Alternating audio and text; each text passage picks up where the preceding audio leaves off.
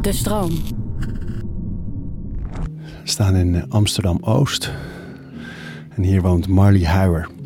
Voormalig denker des vaderlands. Uh, een heleboel boeken geschreven. Professor, dokter, enzovoort, enzovoort.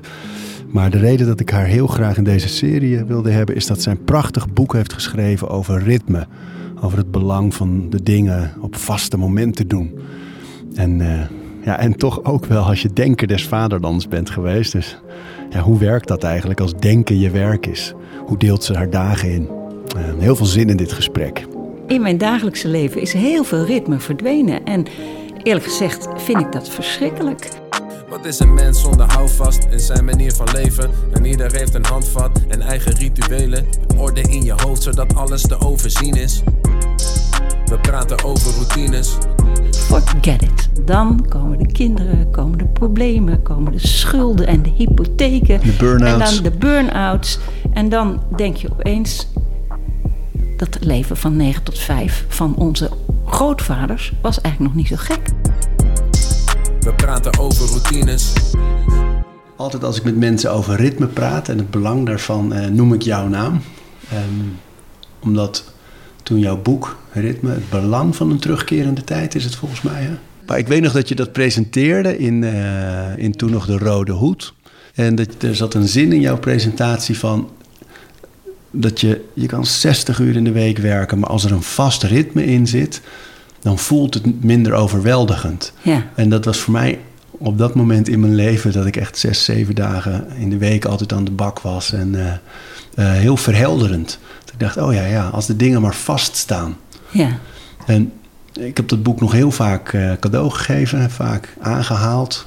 staat nu ook weer in Volhard, een boekje dat ik gemaakt heb. En dat, op de een of andere manier is dat helemaal in mijn leven geworteld. Dus toen we deze serie bedachten, dacht ik... en dan moet ik Marley vragen of ze wil praten over ritme en structuur. En, uh, maar voelt het voor jou na al die jaren ook nog zo... dat ritme en structuur zo'n belangrijke rol in je leven spelen?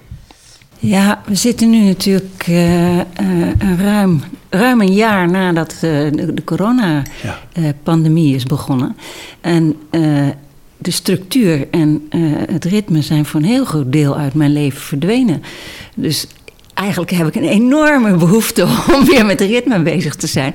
Maar in mijn dagelijkse leven is heel veel ritme verdwenen. En eerlijk gezegd vind ik dat verschrikkelijk. Ja. Het is alsof je een soort, in een soort oceaan uh, zit, die weliswaar heel groot is, maar voor de, tegelijkertijd ook betekenisloos. Het is alsof de tijd gewoon aanwezig is. Alsof je in een heel uitgebreid en uitgestrekt nu leeft.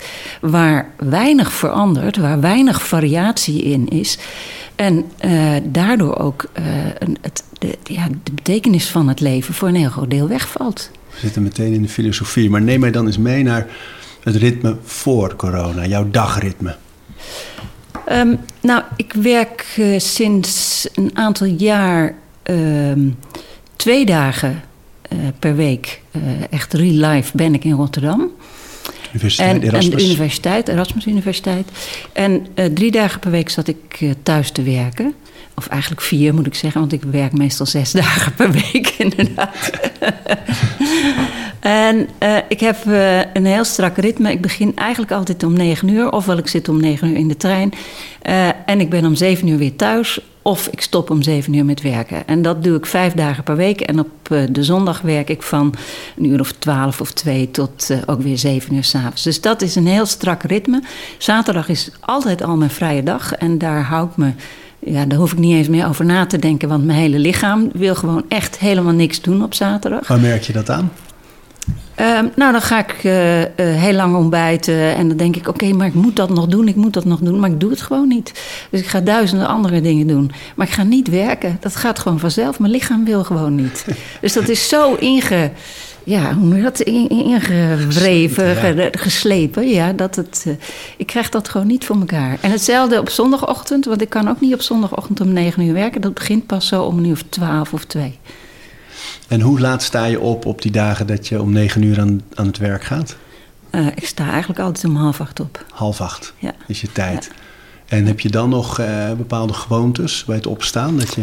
Ja, ik, maar dat is dus nu. Kijk, nu met corona loop ik zo drie, vier keer in de week loop ik ochtends hard. En dan ga ik eerst een aantal oefeningen doen. Dan ga ik een, heel weinig maar, twee kilometer hardlopen. Dan ga ik nog een heleboel oefeningen doen. Lekkere squats en al die dingen die ik ooit op sportschool heb geleerd. en dan ren ik weer naar huis. dan uh, een ontbijt en aan de slag. Dus je, het rennen doe je voor het ontbijt en de oefeningen? Ja, want dat moet met een lege maag. Ik kan niet met een volle maag oefenen. Nee, nee ja, sommige mensen worden wat shaky soms. Het is beter ook natuurlijk op een, op een lege maag in de ochtend. Maar ja. is geen, je hebt dat niet alleen maar, je reden is alleen maar dat die maag niet vol moet zijn. Ja, zodra ik een boterham op heb, kan ik niet meer hardlopen. Nee. Dus ik moet. Uh, ik ben maar een klein persoon, dus ik, zoveel eet ik ook niet. Dus ik moet echt met een lege maag uh, hardlopen. En soms uh, ga ik op zondagmiddag hardlopen. Maar dan moet ik het ook voor het middageten doen. En dan loop ik ook wat, want dan loop ik gewoon drie kwartier hard. Maar dat moet echt met een lege maag. Ja. Het hardlopen, de oefeningen, dan het ontbijt. Ben jij het type persoon dat elke dag hetzelfde ontbijt eet? Ja, kijk, dan denk je vast, oh wat is dat saai. Maar zodra, Je, zodra je snapt dat ritme een combinatie van herhaling en variatie is, sterker nog dat de variatie uit de herhaling voorkomt, dan vind je het misschien toch niet saai als ik tegen je zeg dat ik elke ochtend twee bruine boterhammen eet. Eentje met kaas, lege kaas, en eentje met hele lekkere jam. En dat ochtend in, ochtend uit. En ook met dezelfde thee. en daarna uh, kleed ik me verder aan, want ik ben er nog niet helemaal aangekleed. En dan daarna uh, maak ik mijn kopje koffie. En dan ga ik met mijn kopje koffie naar boven. En dan ga ik altijd eerst schrijven. Dus de eerste uren van de dag schrijf ik. De, daar ben ik het afgelopen jaar ietsje achterloos in geweest. Maar ik ben dat nu weer uh, flink aan het terugpakken. En dan schrijf ik zo van 9 tot uh, eh, 1. Nou, half twee. Dan lunchen en daarna ga ik rommelen. Tenzij ik echt met een deadline zit, dan schrijf ik de hele dag tot 7 uur s'avonds. Of zelfs soms s'avonds ook nog wel eens. Die variatie, uh, daar wil ik straks zeker ook iets over vragen. Maar eerst uh, um, het schrijven zelf. Hè? Dus je gaat dan uh, naar boven en begin je dan waar je bent gebleven met schrijven? Of lees je eerst nog een stuk terug? Wat is je routine daar? Ja, tot mijn, tot mijn spijt begin ik altijd weer bij nul. Dus ik begin altijd weer aan het begin. Ik heb nu net een inleiding geschreven, of eigenlijk een nawoord geschreven, voor um, een, nieuw, een, een eerste vertaling van het deel antisemitisme. Uh, wat onderdeel is van een boek wat Hannah Arendt heeft geschreven over de bronnen van het totalitarisme. En uh, dat is dan, moet dan ongeveer 5000 woorden zijn. En dan ben ik bij 4000. En wat ik dan toch doe, is elke ochtend beginnen bij regel 1. Herschrijven, weer perfectioneren. En dan met een beetje pech ben ik daar twee uur mee bezig. En dan is, is het tijd om te stoppen. En dan heb ik alleen maar herschreven. Dus ik moet mezelf dwingen, tempo, tempo, tempo. En nieuwe teksten maken. Maar dat vind ik moeilijk, want ik ben ook een perfectionist. Dus ik wil dan, weet je wel, die zinnen nog mooier en nog mooier worden. Uh, als je niet uitkijkt, heb je dan een heel mooi begin. En is het aan het einde eigenlijk niks meer. Dus daar moet ik, daar moet ik altijd op letten van nee, blijf doorschrijven. Zorg dat je minstens uh, drie, vierhonderd nieuwe woorden op een dag schrijft. Zodat het ook echt afkomt. Want daar hebben we het over. Drie, vierhonderd woorden op een dag dan. Nou, ik probeer als ik bezig ben met een boek altijd uh, duizend woorden per dag te schrijven. Zo. Maar dat zijn ruwe woorden. Dus die moeten dan weer in de herschrijving. En, nou ja, dat, maar dat herschrijven is dus elke dag. Dus elke dag opnieuw aan het begin beginnen, doorlopen, polijsten. En dan hopen dat je ver genoeg komt om iets toe te voegen. Ja, ik kan niet ophouden met polijsten. Het erge is, ik zou zelfs mijn hele leven met één artikel bezig kunnen zijn.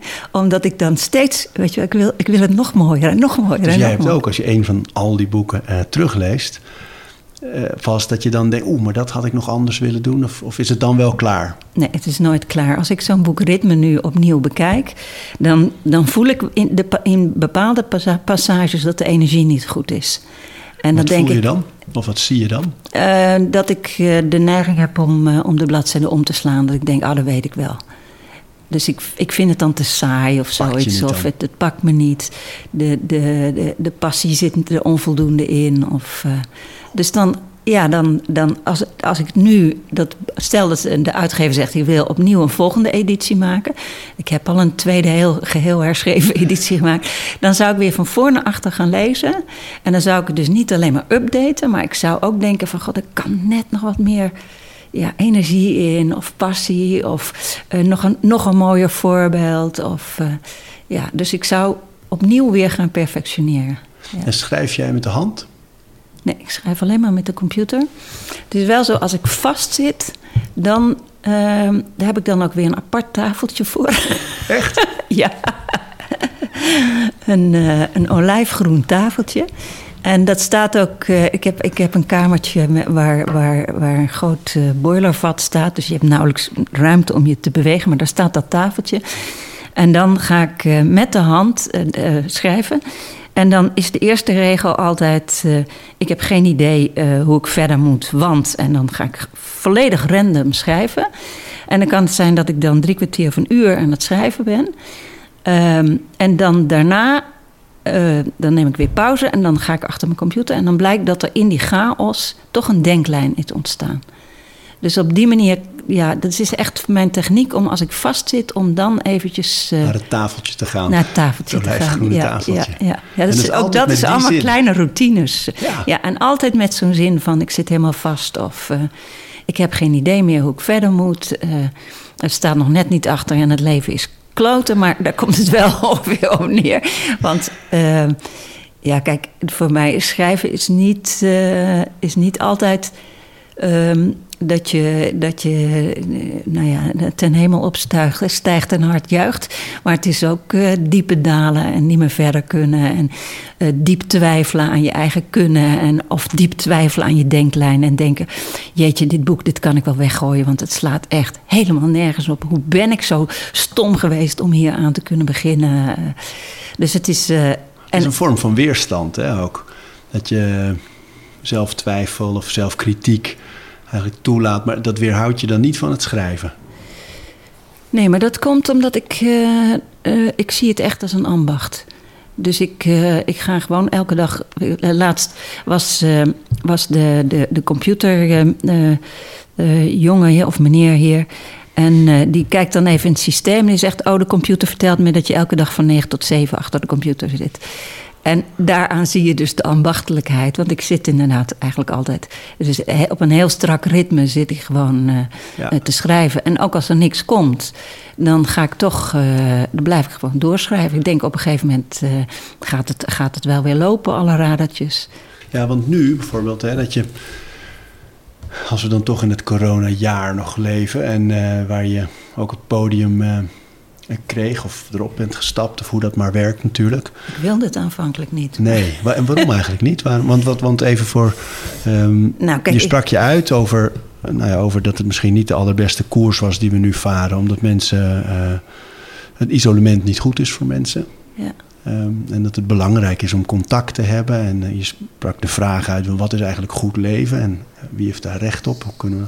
Ja. Al dat soort vragen stelde jij ineens in de kranten. En ook niet alleen in de kranten waar je dat verwacht, maar ook lekker in het AD. En, uh, um, maar hoe gaat zoiets? Dan signaleer jij het zelf en denk je erover? Of hoe, hoe komen ze bij je op zo'n moment? Ja, ik, uh, ik, ik weet dat ik hier op een avond uh, uh, op een bankje zat en dat mijn partner Jan zei: Marley, hier moet je toch iets mee. Want Kijk, ik heb geneeskunde gestudeerd, ik ben huisarts, ik ben opgeleid tot huisarts. Ik heb daarna uh, een postdoctorale opleiding epidemiologie opgezet. Uh, ik kreeg toen ook een promotieplaats aangeboden in de epidemiologie, maar ik wou filosofie. Dus, uh, en vervolgens heb ik jarenlang in de medische filosofie gewerkt. Ik heb een proefschrift geschreven over mensen die, die medische behandelingen weigeren terwijl ze ongeneeslijk ziek zijn. Ook nog wetenschappelijke artikelen over geschreven. Dus kortom, dit is eigenlijk helemaal mijn onderwerp. En, maar ik was on, intussen was ik een boek aan het schrijven over islam in Europa. Uh, waar ik gewoon contract getekend heb, al een uh, voorschot heb gekregen. Dus ik dacht, ik kan niet. Ik moet mij wijden aan dit boek. Um, En vervolgens uh, belde Science Guide, want die had dan weer uit het netwerk van vrouwelijke hoogleraren had iemand gezegd: ja, dan moet je echt voor bij Marley zijn. En ik denk, ja, dat blad, dat, uh, dat, is, dat, dat, dat kan ik rustig doen, want dat wordt niet veel gelezen. Nou, dat ging helemaal totaal viraal. Binnen twee dagen was het al 200.000 keer gedownload. En toen stonden natuurlijk de kranten voor de... Of nee, de nieuwsuur stond voor de deur en weet ik... En, ja, en toen dacht ik, ja... Ik moet maar dus overleggen met de uitgever, hoe doen we dit? Ja, ja, nee, je moet wel doorgaan met het islamboek. En, uh, maar ja, ondertussen hadden zij ook iets van, ja, het kan niet dat je nee gaat zeggen. Nou ja, dus, en zo heb ik het de afgelopen anderhalf jaar op twee benen gehinkt. Ondertussen dacht ik, ik moet doorschrijven, maar ja, steeds weer hing die media aan de lijn. Nou, nu heb ik dat boek uh, gewoon definitief even helemaal uitgesteld en ga ik uh, uh, een, een, essay schrijven over ehm, de toekomst van het sterven of de toekomst van het levens, levensduur, iets dergelijks. omdat ik denk, ja, ik moet nu toch even hier voorrang geven. Ja, want wat, als ik het gewoon, als ik de stukken las en ik moet, moet het nu min of meer samenvatten, dan ging het erover dat, dat wat er nu gebeurt is dat we maar mensen in leven willen houden en dat we die groep op hoge leeftijd die corona krijgt, maar uh, op de IC's en maar proberen te redden. En dat een beetje je betoog leek van jongens, er zit een einde aan het leven, dat moeten we accepteren. We hebben niet ja, dat het is recht. Niks nieuws, hè? Nee, nee, nee, dat is nog geen. Nee, maar je hebt niet het recht om maar. Uh, Eindeloos lang te leven. Ja. ja. Vat ik het dan een beetje goed samen? Ja, ja. er is een vreemde paradox dat uh, hoe langer wij leven, uh, des te langer willen we leven. En kijk, als je realiseert dat in 1950 de levensduur ongeveer 70 jaar was, iets langer. Inmiddels is het meer dan 80 jaar in Nederland. En je, dan zou je denken, nou, af en toe mag het dan ook wel weer even 78 jaar zijn. Never, nooit niet. Als wij eenmaal boven de 80 hebben. Moet je het halen ook. Moet je boven de, ja, dan moet je het halen ook. En zo niet, dan. Uh, en dan krijg ik heel veel boze brieven. Ik ben 85, u wil mij dood hebben. uh, en dus dan wordt het een soort individueel recht om tenminste 80 jaar te worden. En uh, ook dat daar maximaal medisch gehandeld worden, om dat, wordt om dat voor elkaar te krijgen. En kijk, op een IC komen is maximaal medisch handelen als je boven de 80 bent, ook als je boven de 75 bent. Uh, daar heb ik vragen bij gesteld. Van moet je dat eigenlijk wel willen? Moet je niet op een gegeven moment zeggen van... luister, uh, 75 is ook genoeg. Of 80 is ook genoeg. En dat betekent niet dat je dan zegt... dan uh, jassen we er een spuit in en dan uh, moet iemand moet het maar klaar wezen. Nee, het betekent dat je accepteert dat, je, dat een levensduur ongeveer 75 jaar is, of 80 misschien. Uh, dat uh, het nog altijd uh, voor een heel groot deel de natuur is die besluit dat wij als mens een maximum hebben aan levensduur. En dat wij daar met veel kunst en vliegwerk weliswaar dat, hè, een, een, langere levensduur uitgeperst hebben. Die overigens niet altijd, of, of lang niet altijd, dezelfde kwaliteit heeft als, die, als dat die dat heeft voor je 65ste. He, dus het is ook een levensduur waarin je minder geheugen hebt, waarin je fysiek uh, gebreken hebt. Uh, nou ja, waarin je het voor jezelf, voor de samenleving, ook voor je omgeving niet altijd even makkelijk maakt. Uh, hoe lang wil je dat, dat, dat, dat daar nog extra dat aan komt, dat we dat rekken? Ja. Of kun je op een gegeven moment als individu, maar ook als samenleving zeggen: van ja, maar daar gaan we kijken of we dat misschien toch kunnen accepteren dat er ook mensen zijn die niet vanzelf 100 worden. En dat alleen maar worden als je daar maximaal medisch in investeert. En dat we dat misschien niet meer uh, willen doen. Of dat we een afweging maken wat uh, het jongere generaties en toekomstige generaties kost om maar steeds dat leven te rekken. Want laten we nou wel wezen, we hebben nu natuurlijk miljarden gespendeerd om die lockdown uh, te kunnen doorstaan. Maar dat gaan de generaties die daar uh, een langere levensduur van krijgen, gaan dat niet betalen. Dat betalen de toekomstige generaties en de jonge, nu levende generaties. Deze aflevering van Overroutines wordt aangeboden door Squarespace, een alles-in-één platform waar je je eigen website kunt bouwen en beheren. Het maakt niet uit of je producten, diensten of je passie met de wereld wil delen. Het kan allemaal bij Squarespace. Ik noem even kort drie handige functies van het platform. Met het ontwerpsysteem kan je makkelijk je website vormgeven en het helemaal eigen maken. Squarespace analyseert hoe je website presteert en wat er voor nodig is om je bedrijf online verder te laten groeien. En ook kan je abonnementen en exclusieve content aanbieden aan betalende leden. Start nu je gratis proefperiode via squarespace.com/overroutines. En ben je klaar om je website echt te lanceren? Gebruik dan de code overroutines. Dan krijg je 10% korting op je eerste aankoop van een website of domein. Ja, dus die jongere generatie die is nu de dupe van uh, alle restricties. En ja. straks ook nog eens een keer gaan ze betalen voor wat er allemaal nu uh, moet ja, ja. en gebeurt. Ja. Ja. En wat precies de schade is uh, van de lockdowns, daar, dat kunnen we nu nog helemaal niet overzien. Dat kunnen Want we waarschijnlijk wat bedoel je dan met schade? Het zou me niet verbazen als het uh, gemiddelde gewicht in Nederland, uh, lichaamsgewicht, uh, flink is toegenomen. dat mensen door de passiviteit, het stilzitten, aan, dus zwaarder zijn geworden. Nou, dat, heeft, dat leidt tot een kortere levensduur, dat leidt tot allerlei ziektes. Um, dan kan het zijn dat de kloof tussen arm en rijk alleen maar toe is genomen. Dus dat de gezondheidsverschillen groter zullen worden. En ook dat geeft, uh, geeft allerlei gezondheidseffecten. Het is nu al zo dat mensen die een, uh, een lagere sociaal-economische status hebben, zeven jaar korter leven ja. dan mensen met een hoge status. Het zou me niet verbazen als dat over één of twee jaar met een half jaar of een jaar is toegenomen. Dus dat dat nog sterker is. Uh, dan, dan heb je alle sociale consequenties. Hè, met name uh, jongeren en uh, studenten, jongvolwassenen hebben in, in, een belangrijke fase in hun leven hebben ze heel weinig sociaal contact gehad. dat zal allerlei psychische gevolgen ook op de lange termijn hebben. Je ziet nu al dat de psychologen en psychiaters zich de benen uit het lijf lopen omdat ze zo verschrikkelijk veel jongeren hebben in hun, bij hun spreekuren.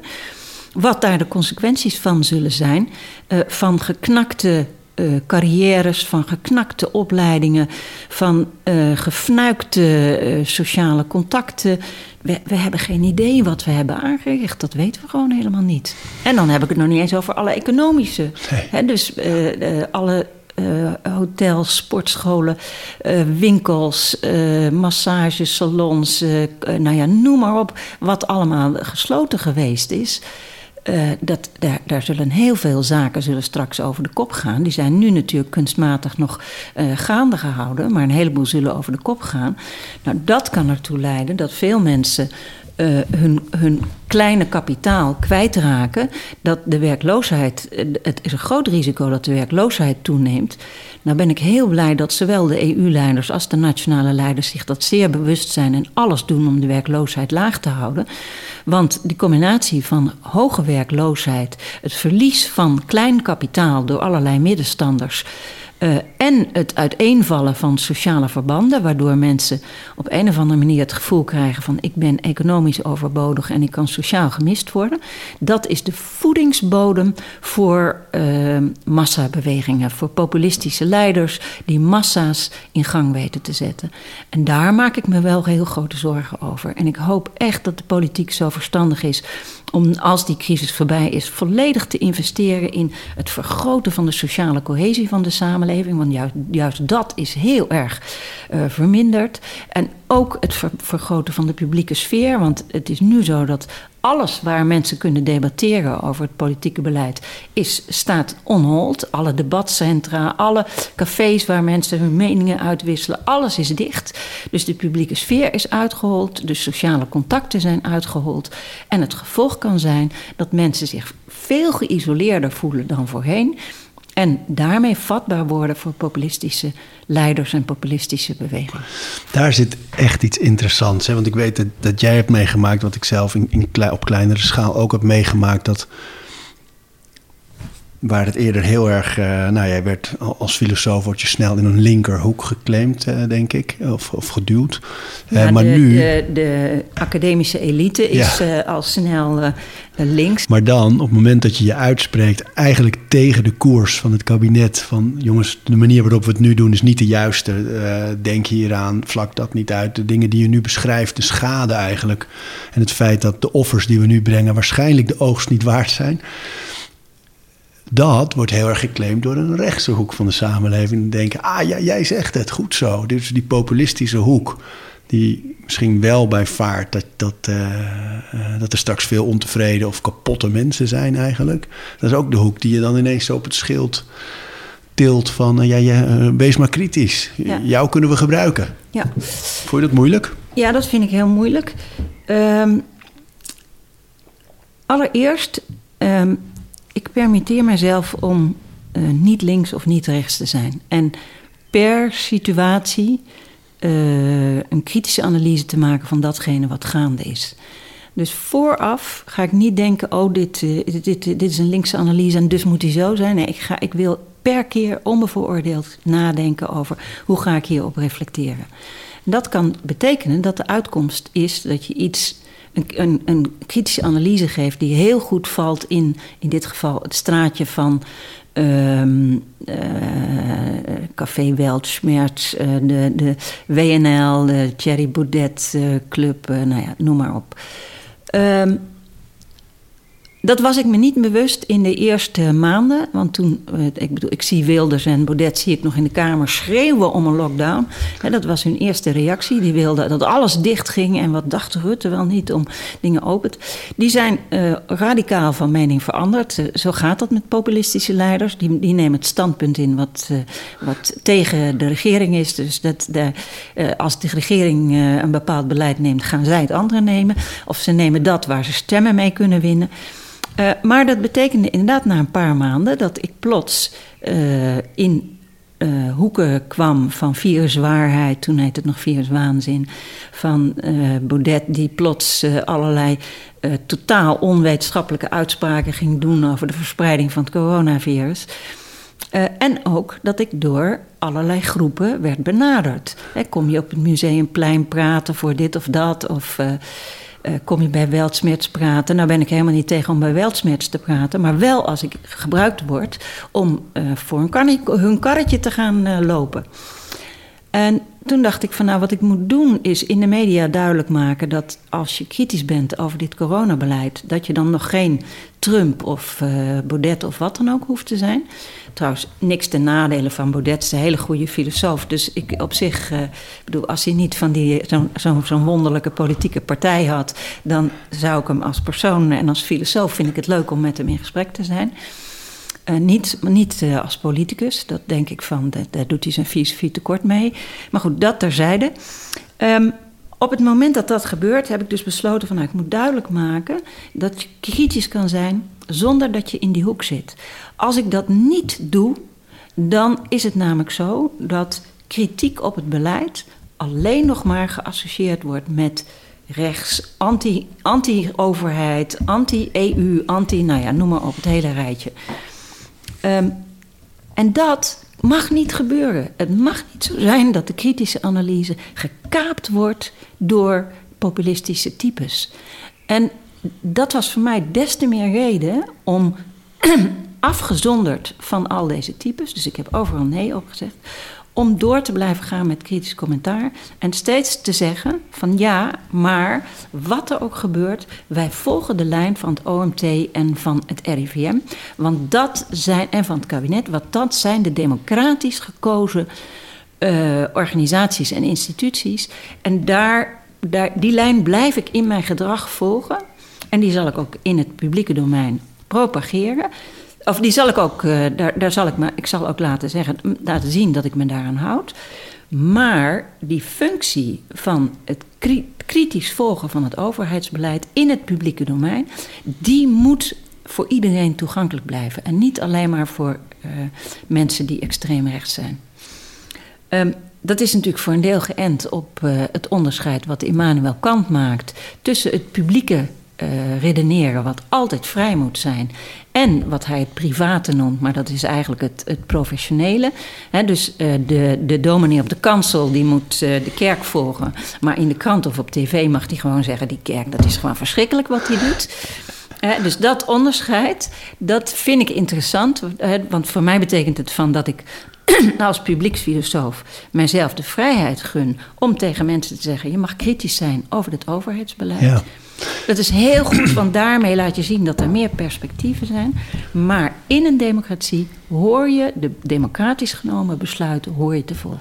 Nou, dat vind ik ook mooi dat je dat zegt, omdat dat is inderdaad wat er verwacht wordt. Hè? Dat je bent kritisch, dus dan zal je ook wel denken: die maatregelen zijn onzin, daar ga ik me niet meer aan houden. Dat is een beetje zelfs wat er gevraagd wordt als je kritisch bent door een bepaald publiek. Maar op het moment dat je zegt: nee, ik ben kritisch, maar ik hou me wel aan de maatregelen die in een democratie besloten zijn. Hè, ja, met, met af en toe een klein beetje burgerlijke ongehoorzaamheid. Ja, Hoort ook bij een democratie. Tuurlijk, tuurlijk.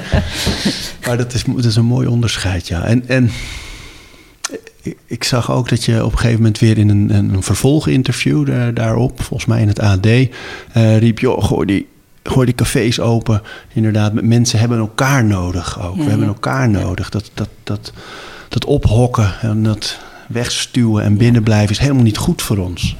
Ja, en dan wordt er snel door mensen gedacht van... oh, uh, zij wil uh, het consumentisme stimuleren. Terwijl ik denk, nee, die cafés hebben een hele belangrijke sociale en politieke, uh, publieke functie dat is waar mensen elkaar uh, ontmoeten. En waar heel veel, onder heel veel kopjes kopje, koffie en uh, glaasjes bier van alles en nog wat wordt uitgewisseld aan ideeën, maar ook aan warmte, aan verbondenheid. hoe is dat anders dan op social media bijvoorbeeld? Dus dat, dat mensen nu met elkaar veel in gesprek zijn op die media.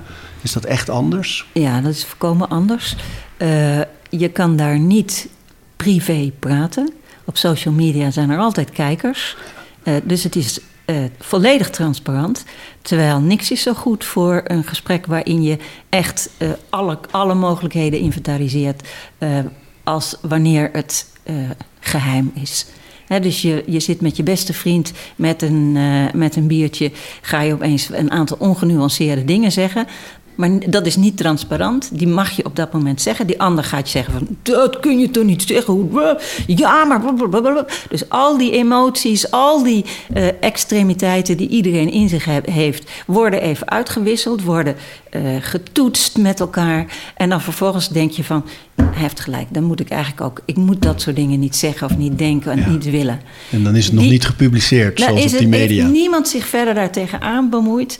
In die zin snap ik ook wel dat dat, dat sommige mensen, ook politici, zeggen van ja, maar ik moet toch af en toe eens een uitgeleider kunnen maken zonder dat je daar meteen helemaal op vastgepind wordt. Hè? Dus ook Rutte moet in een vergadering die geheim is kunnen zeggen van die, die, die, die omzicht, nou, ik heb wel af en toe even genoeg van. Dat moet gewoon gezegd kunnen worden. Dat is de sociale smeerolie die we nodig hebben om, de, om, om vervolgens te zeggen van ja, ik, zeg, ik zei dat wel even en ik was even geëmotioneerd, maar ik ga, toch, ik ga hem toch tot minister maken.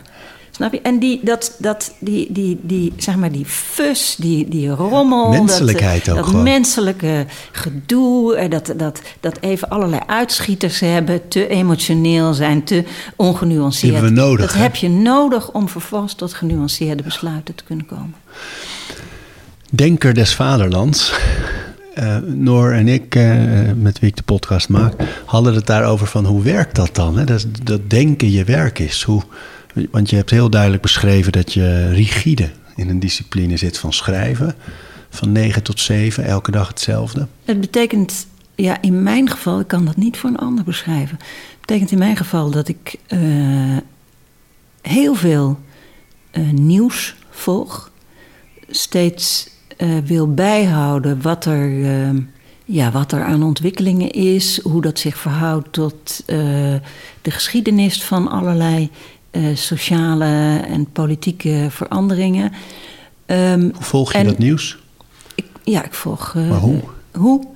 Oh, met, met drie, vier kranten, met elke avond journaal, met praatprogramma's van alles en nog Elke dag ook weer op vaste momenten. De krant lezen, dus het journaal elke dag ja, om acht de uur. De kranten bij het ontbijt, eh, elke avond journaal om acht uur. Als ik het niet haal, dan om tien uur. Dat maakt niet zo heel veel uit. Ehm, ja, dus en als, het, als dan blijkt dat ik toch nog even iets moet eh, opzoeken op social media, dan doe ik dat ook nog even tussendoor. Dat- maar wel op vaste momenten, ja. Dus het is buiten mijn werktijd eigenlijk. Dus het is voorafgaand, dus bij het ontbijt en s'avonds. Want, want dat schrijven noem je dan je werktijd. Maar dat denken gaat de hele dag door, lijkt me. Ja, dat denken gaat ook s'nachts nachts door. Dus Ja? het kan, ja, dus het kan zijn dat er iets gebeurt in het nieuws. En dat ik dan denk van, oh shoot, het kan zijn dat er morgen een journalist opbelt. Dan moet ik eh, geen oppervlakkige mening hebben. Dus ik ga in me, zelfs in mijn droom ga ik dan al tegenargumenten bedenken tegen datgene waarvan ik denk dat het. En ik vind ook dat voordat ik een mening heb, dat ik echt ook de tegenstemmen heb moeten horen. eh, zodat ik weet van, ben ik het wel met mezelf eens? En dan eh, vind ik het ook niet erg om daarover te spreken. Maar, dat s'nachts, gebeurt Maar ook. hoe werkt dat dan? Dan schiet je wakker, ben je aan het malen? Ja, dit, dat gaat een beetje onbewust. Dus ik, ik, er gebeurt iets, eh, iets raars. eh, wat ik dan bij wijze van spreken bij Nieuwsuur hoor. En dan, ja, dan, dan, denk ik daarover. Of ik praat er even over met, met Rayan. En dan lig ik in bed en dan, dan denk ik daar niet eens bewust over. En dan kan het zijn dat ik s'nachts wakker word. En dan opeens denk van, weet je wat het eigenlijk is? En dan komt daar zo'n hele redenering. Dan ga ik ter plekke en dan ga ik, ga ik bedenken van nee, dat is niet zo, want dat, dat, dat, dat. Dan denk ik, nee, dat is wel zo, want dat, dat, dat, dat. En dan val ik weer in slaap. Een soort functionele schizofrenie. Ja, zo, ik weet niet hoe je dat doet. Ja, maar dat vind ik zo mooi. Dat je nu in verschillende voorbeelden eigenlijk zegt... wa- waar heel veel van ons een mening hebben... en dan argumenten gaan zoeken om die mening te staven... is het bij jou zo dat je gaat zoeken naar... wat is mijn mening eigenlijk? En dat ga ik aan Ja, die ik werk bronnen, de geschiedenis, de Ik, ik heb een inductieve manier van, Ja. eh, van denken. Ja. Dus het is niet zo dat ik allerlei hypotheses en definities heb en dan weet ik, eh, die pas ik overal op de wereld toe. Nee, ik ga steeds opnieuw vanuit nul ga ik, ga kijken wat is de situatie, wat speelt er allemaal in mee.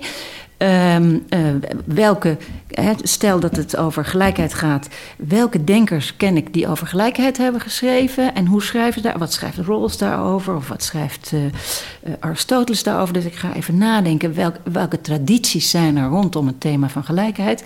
Waar voel ik dat het voor dit onderwerp het, het, ik, ik het beste welke denker kan gebruiken?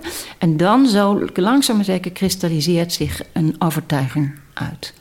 En dan is het eigenlijk ook niet meer een, een, een simpele mening, maar dan is het inderdaad een, een, een, eh, een, een oordeel wat voortkomt uit het afwegen van verschillende eh, wegen die je vanuit de filosofie en vanuit dus die actualiteit zou kunnen bewandelen. En als dat hoofd altijd zo aanstaat, hè, of altijd eigenlijk bezig is... eh, de, ehm, slaap jij moeilijk in? Nee, ik slaap eigenlijk gewoon altijd acht uur. Maar dat komt door het ritme. Ja, Ik ga hoe laat gewoon- ga je naar bed? Ehm, ik- nou, altijd eigenlijk half elf. En dan slaap ik om half twaalf. Dus ik ga om half elf naar bed en dan, of we gaan om half elf naar bed en dan eh, rommel, rommel, nog even wat lezen. En dan is het ongeveer elf uur, half twaalf. Dan sla- en dan slaap ik ook. Tot? Tot half acht. Tot half acht, elke dag. Dezelfde tijden, naar bed en van bed weer. Ja, ik doe wel eens in het weekend een poging om dan een half uurtje langer te slapen, maar meestal lukt het niet. En op zo'n moment dat je wakker schiet en, en, en je hebt die mening of je hebt een gedachte, schrijf je die op? nee, nee, nooit. Nee? Slaap je dan meteen weer in? Ja. Zo. Nee, ik schrijf nooit wat op, maar ik weet het altijd wel de volgende ochtend. En, en is er een verschil tussen eh, die manier, dus dan ben je eigenlijk aan het denken over thema's, nieuws, eh, actualiteiten, of denken aan zorgen, eh, dingen die in je eigen leven spelen? Zou je dan, lig je wel eens wakker? Ja, ik lig wel eens wakker van zorgen uit mijn eigen leven. Maar dat vind ik, daar, daar heb ik meer de neiging tot piekeren, inderdaad. En dat vind ik heel vervelend. Dus dat is, eh, ja, dan, dan, daar, daar vind ik ook heel moeilijk om routines voor te ontwikkelen hoor. Behalve dat ik, ehm, ik kan mezelf wel zo toespreken dat ik uiteindelijk gewoon slaap. Wat doe je dan? Ehm, nou, dan ga ik een soort meditatieoefeningen doen. En, nee, en wat ik altijd doe is. eh, ehm, dus dan neem ik een, eh, een letter, bijvoorbeeld de letter W. En dan moet ik zoveel mogelijk eh, vrienden met de naam W. Of dieren met de naam W. En dat is zo afleidend van alle andere gepieker. En dan ga ik terug naar de, naar, tot de S, zeg maar. En dan wordt het dus uh, Simon, Saar, uh, weet ik veel wat allemaal. Nou, tegen die tijd slaap ik al. Een soort schaapjes stellen met woorden. Ja, ja, ja, maar het is echt om, om zeg maar mezelf uit de gedachten te halen. Um, je zei net dat, dat, en een paar keer corrigeerde je me al als ik zei uh, een, dat een ritme, hè, dat is vaak een beeld dat het beperkend is en saai, en, uh, want het is altijd hetzelfde. En toen zei jij nee, in dat ritme zit juist heel veel variatie.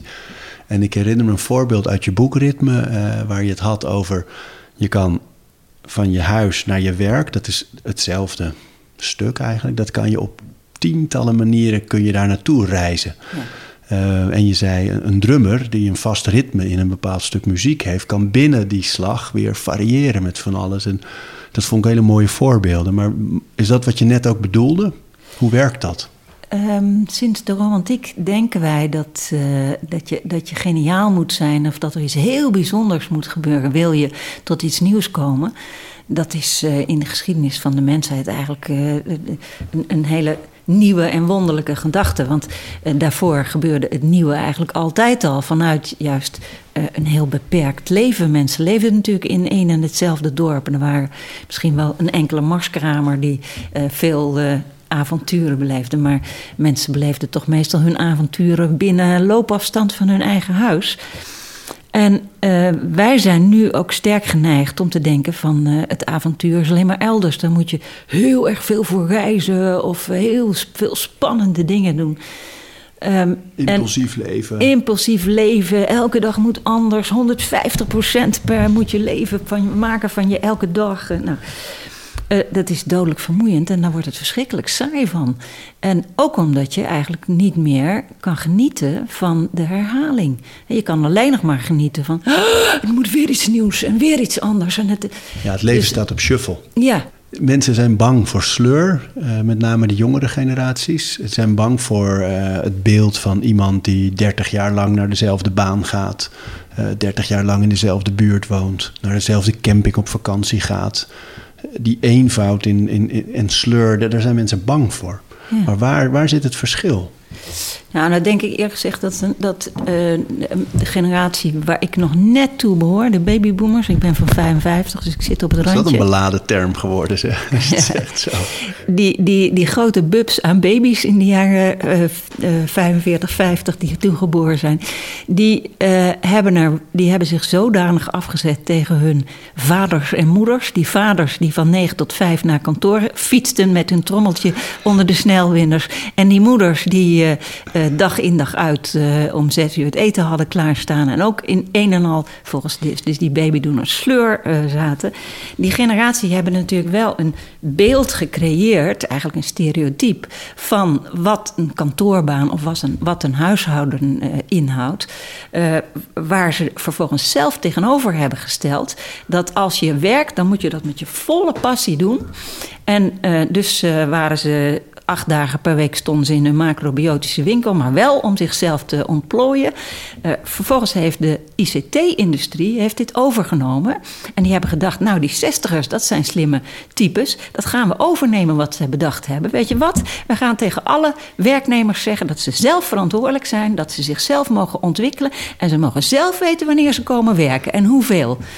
Uh, dus uh, de Microsoft-bedrijven, et cetera, hebben dat helemaal geïncorporeerd met het zogenaamde nieuwe werken. Nou, nieuw is altijd goed.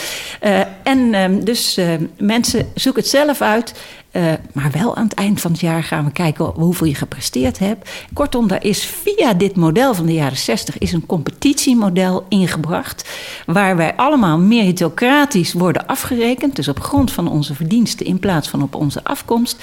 En we zijn allemaal zo gek om als een complete werkpaarden ons helemaal over de kop te werken. Zelfs in het weekend zijn we nog met, uh, met sportscholen en weet ik veel wat bezig. Want we moeten ook ons uh, lichamelijk en met managementboeken en met spirituele boeken. Want we moeten ons ook geestelijk helemaal op orde houden. We werken ons kapot, zogenaamd om onszelf te ontplooien. En die werkgever, met name in de ICT-industrie, die lacht zich helemaal kapot en denkt: ja, al die leuke jonge mensen. Blijf maar, blijf maar bij ons. En uh, vooral als ze onder de 30 zijn, dan, uh, dan hebben ze nog geen kinderen en nog, nog geen problemen. Dus, en dan de 30 dan geven we ze de bonus dat ze ontslag mogen nemen. En ze mogen zelf weer naar een volgende functie. En die jongeren zijn nog zo gek ook om dat te doen. En die zijn trots, want ze hebben bij Google of bij Boston Consultancy of wat dan ook gewerkt. En denken dat ze een toegangsticket hebben nu tot de hele samenleving. Dat iedereen op ze zit te wachten. Forget it. Want dan komen de kinderen, komen de problemen, komen de schulden en de hypotheken. De burn-outs. En dan de burn-outs. En dan denk je opeens dat leven van 9 tot 5 van onze grootvaders was eigenlijk nog niet zo gek. Want die werkte maar 40 uur per week. En als de werkgever het presteerde om in het weekend te bellen, werd onmiddellijk opgelegd. Ja, doei, je denkt toch niet dat ik ook maar één seconde buiten die 40 uur ga werken. En nu, terugkijkend, kun je natuurlijk zeggen: wat kunnen wij doen om te zorgen dat wij inderdaad niet meer uren werken dan waarvoor wij betaald worden? En dat is natuurlijk voor de gemiddelde ZZP'er een verschrikkelijk moeilijke klus. Want die is vergeten hoe die zich kan organiseren met andere ZZP'ers. Dus die denkt vanuit het eigen zogenaamd individuele belang. En vergeet daarmee dat als er geen collectief belang is, dat je als individu ten onder gaat. Uh, dus die weet niet hoe die zich moet organiseren. Maar eigenlijk zou je moeten zeggen: ja, wij moeten terug naar die situatie waarin waar je precies weet hoeveel je uren je besteedt aan een klus. Dat zou collectief vastgelegd moeten worden. En daar zou gewoon een, minstens een minimumloon, maar eigenlijk een goede betaling voor moeten staan. En dat nieuwe collectieve systeem, dat zal echt nog ontwikkeld moeten worden. Maar dat is dus, kan je dat zelf bouwen? Als je, dus stel dat je nu die 20er, 30er bent, ZZP'er misschien zelfs. Want het klinkt als het, als het vooral een, eh, alsof het vooral een vaste structuur is met vaste tijden. Dit is de tijd waarop ik ga werken. Dit is de tijd waarop ik stop. Elke dag weer opnieuw.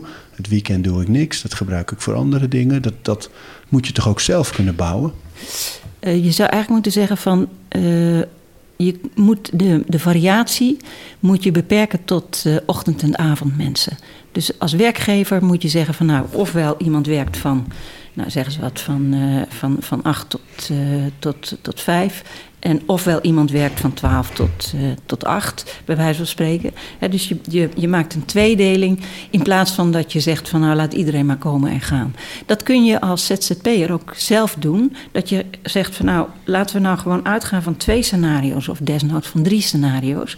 En uh, stel dat jij een, uh, een werkruimte hebt waar je als ZZP'ers bij elkaar komt. Dan zou je kunnen zeggen nou wij gaan voor deze ruimte gaan we twee uh, roosters maken. Daar kunnen mensen zich op inschrijven. En liefst, zodanig dat je je gewoon voor het hele jaar vastlegt.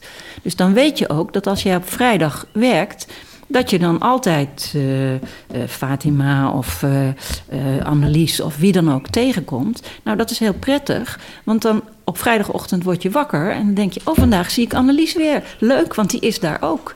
Dus dat geeft je ook een heleboel levensvreugde. Maar en bij jouzelf, hè? want je, ik vroeg je naar een bepaald boek aan, voordat we begonnen. En uh, dan zei je, oh, dat heb ik boven liggen. En dan ren jij die trappen, volgens mij twee trappen omhoog uh, op. Je bent dus elke dag aan het hardlopen. Je beweegt tijdens dat hardlopen. Je beweegt ongetwijfeld nog tijdens het schrijven uh, hier en daar. Een buitenstaander zal jou een gedisciplineerd mens noemen. Is alles georganiseerd of zit het toch ook wel in je? Um, nee, kijk, uh, ik ben van huis uit uh, bijzonder gedisciplineerd. Dus dat kun je zeggen is zelfdiscipline geworden. Dat is gewoon opgelegd door uh, autoritaire ouders, door een autoritaire kerk, door een autoritair schoolsysteem. Uh, vervolgens een uh, medische opleiding waar je ook met veel autoriteit gedisciplineerd wordt. Dus ik heb op allerlei fronten discipline meegekregen. Dat, dat kun je zelfdiscipline noemen, want het is inderdaad behoorlijk toegeëigend. Toch zijn er heel veel vormen van discipline waar het mij aan ontbreekt. Kijk, als ik bijvoorbeeld uh, echt uh, ergens heel erg enthousiast over ben, dan heb ik vaak niet de discipline om te stoppen. En dat kan bij hele domme dingen zijn. Dus het kan zijn dat ik een tafeltje aan het schuren ben. En dat, dat ik de hele nacht doorga. Omdat ik vind dat dat tafeltje vandaag af moet zijn. Slaat helemaal nergens op. Maar ik heb dan niet de discipline om te stoppen. Want dan komt er een soort fanatisme. Voor, voor iets totaal belachelijks over me heen. En ik kan niet stoppen. En, ja, wat, wat dat is, weet ik veel. Maar Gelukkig zijn er dan allerlei manieren. Hè, dus bijvoorbeeld een partner die zegt van... ja, kom op zeg, we moeten naar bed. Die ik in mijn leven heb ingebracht om te voorkomen dat je al te veel last hebt van die, van die nare discipline. ja, ja, ja. En dit is een beetje van de hak op de tak, maar ik zit me ook al een tijdje af te vragen, omdat je zo energiek bent en zo productief en uh, dus veel beweegt. Van, uh, hoe zit het in jouw leven eigenlijk met voeding? Let jij heel erg op je eten? Ben je... Uh, ja, maar dat is ook wel medisch gestuurd.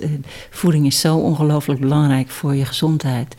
Dus ik, uh, dat heb ik bijvoorbeeld in mijn huisartsopleiding, heb ik echt van mijn mede of mijn opleider heb ik geleerd. Die, die at drie, vier, vijf stukken fruit op een dag. En uh, toen dacht ik, ja, waarschijnlijk is dat inderdaad heel gezond. Dus ik eet bijna elke dag drie stukken fruit. Ik zie ook als ik zo naar eh, het aanrecht kijk, uh, artisjokken liggen, ja, en, mooie en verse ik eet, aardappels. Ik eet zeker een, een wat is het, twee, drie, vier ons groente per dag. ik ben wel heel erg overtuigd van het belang van voeding. ja. En eet, eet je buiten de drie maaltijden nog, tussendoortjes? Ja, ik eet heel veel chocola. ik eet zeker elke dag chocola. puur? Ja, meestal puur, maar het kan alles zijn hoor. Maakt niet uit. Ik moet mezelf, uh, zeker als ik schrijf, moet ik me echt beheersen om niet verschrikkelijk veel te snoepen. Ja, dat zie je niet aan mijn, aan mijn lichaam, maar ik, ik, ik uh, moet echt. Uh, dat verbaast me, ja. En dan kom ik bij de tandarts en dan zeg ik: Oh, sorry, ik heb zoveel gesnoept. En, en dropjes en alles. Ik, ik, snoep, ik, ik snoep er echt heel veel. Dus ik moet mezelf, uh, en dan neem ik weer voor om niks te kopen een paar weken. En dan lukt dat dan eventjes en dan begint het weer. Nee. en wat is, is het, de zoetigheid, suiker, of is, is dat het? Of, of doet het iets met je? Nee, dan komt er een soort uh, verveling over me heen door het schrijven. Of, of en dan dan is een, uh, weet ik veel, dan haal, ga ik een paar katjes halen en die, die, die eet ik dan achter elkaar op. En dan, soms eet ik een hele, koop ik een hele zak en die is dan binnen een uur op en dan ben ik kei misselijk. En dan, uh, ja. ja, weet ik veel. Ik, ik, vind, ik vind eerlijk gezegd ook helemaal niet erg. En, nee, als het je niet in de weg zit. Nee, ja. Je begon het gesprek met dat nu alles anders was. Dat je altijd, dat vaste ritme, dat was heel duidelijk, die structuur in je leven. En door corona werd het van tafel geveegd. Hoe vind je dan een nieuwe structuur, een nieuw ritme? Ik wil die eigenlijk helemaal niet vinden, want ik wil gewoon terug naar... Dat ik gewoon lekker uh, door het hele land kan chasen, overal lezingen kan houden. Ik, ik wil helemaal niet zo'n leven met, uh, wat, wat zo leeg is en wat, waar je geen ontmoetingen met mensen hebt. Ik mis ook verschrikkelijk dat ik mensen uh, ontmoet die ik niet ken. normaal kom ik natuurlijk op allerlei gelegenheden en dan, dan sta je zo een kwartier met iemand te praten die je nog nooit van zijn leven hebt gezien en die ook nooit meer zal, zal zien. zien nee. Maar ja, dat is wel wat, wat, wat het allemaal vreselijk leuk maakt. En, Want wat is dat dan precies? Nou ja, iemand die je niet kent, die, die, die laat je dingen zien die je niet kent. Dus die, uh, die heeft andere gewoontes, die heeft andere ideeën. Uh, die, die valt buiten wat dan nu tegenwoordig de bubbel heet. dus die valt buiten je comfortzone of al die andere Engelse woorden die we daarvoor hebben. En ik vind het ook gewoon prettig om om mensen te ontmoeten die, uh, die echt hele andere levensverhalen hebben. Of van heel andere locaties op de wereld komen. Of die echt totaal andere ervaringen hebben dan ik. Want het relativeert en nuanceert mijn eigen bestaan. Als ik de neiging heb om, uh, om, eens, om eens flink te gaan klagen over hoe zielig dit of dat. Nou ja, je hoeft maar met even met iemand te praten in een andere situatie. En je denkt, ik ben toch wel extreem bevoorrecht. Waar gaat dit over? Dus ja, dat, en dat, dat, dat mis ik wel heel erg. Dus ik wil helemaal niet terug, uh, ik wil niet vasthouden aan, uh, nee, aan dit dagelijkse toch moet leven. je in zo'n jaar, omdat het zo lang duurt natuurlijk, we gaan richting anderhalf jaar bijna. Um, moet je wel, je, omdat je productief wil zijn en omdat je nou mensen te woord moet staan, de media te woord staan, eh, er moet gewerkt worden. Dus ik kan me wel voorstellen dat jij toch zoekt naar een nieuw ritme in, in die nieuwe situatie. Ja, ik vind het nu heel moeilijk om, uh, om te stoppen met werken. Omdat ik, uh, ik, ik, je kan niet op vakantie. En um, ik heb geen auto, dus dat maakt ook dat je, weet je wel, waar, dan moet je steeds met de trein reizen, wat toch een beetje riskant is. Dus je, je, het leven wordt verschrikkelijk, uh, verschrikkelijk klein. Je wordt echt kleingeestig als je niet uitkijkt. En uh, dus ja, wat doe je dan? De, ja, op een of andere manier ga je proberen om ehm, met afspraken zoveel mogelijk mensen te blijven zien. Dus ik probeer steeds met mensen te wandelen. Uh, ik heb bijna elke dag heb ik een afspraak met deze of gene. En ook met mensen die ik heel, weinig ken. Die, ik dan, uh, die, je dan benadert of die mij dan benaderen. En dan zeg ik, goh leuk, zullen we dan samen in het Vondelpark of in het Flevopark gaan wandelen? In plaats van dat we ergens op een kantoortje gaan zitten. Je houdt het nog wel vol. Wel moeten, hè? Ja, ja. Maar als ik af en toe bedenk dat het kan zijn dat we in de herfst uh, een nieuw coronavirus krijgen, of misschien een heel heftig griepvirus, want de griep heeft het afgelopen jaar niet, uh, niet lekker kunnen toeslaan, en dat we misschien nog langere lockdowns krijgen, dan vind ik dat wel uh, zwaar hoor. Laatste vraag. We zitten eigenlijk in jouw schrijftijd natuurlijk nu in dit gesprek. Ja. En uh, doet dat nog iets met je? Raak je dan in een lichte paniek? Nee, want ik heb gisteren een, uh, een stuk afgerond en naar de uitgever gestuurd. Och. En die was vanochtend helemaal content. Dus dan uh, heb ik even ademruimte. Maar bovendien, jullie zitten in mijn pauze. En dat is meestal tussen 1 en 3. Ik neem elke dag anderhalf tot twee uur pauze. Daar zitten jullie nu in. Ah.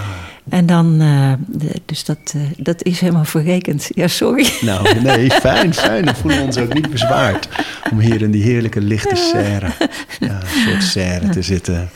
Maar jullie zijn natuurlijk nu ook onderdeel van dat ik, uh, dat ik het zo heerlijk vind om even weer heel andere mensen te ontmoeten. Ja. Dus dat geeft ook een bijzonder veel energie. Fijn, dank. Geen dank.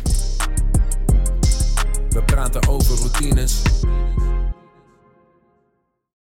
Dankjewel voor het luisteren. En voordat je weer doorgaat naar andere dingen, wil ik je nog even wijzen op Over Inspiratie. Dat is het mailtje dat ik elke donderdag rondstuur met drie tips. Dingen waar ik zelf veel aan gehad heb. Kunnen producten zijn, artikelen die ik gevonden heb online, onderzoeken, uh, Instagram-accounts, podcasts, boeken, van alles eigenlijk. En ik denk dat je daar zelf ook veel aan kunt hebben. Dus vind je het leuk om dat mailtje elke week te ontvangen? Dan kun je je opgeven op ariboomsma.nl onderaan de pagina. Dan krijg je voortaan elke donderdag in je mailbox over inspiratie.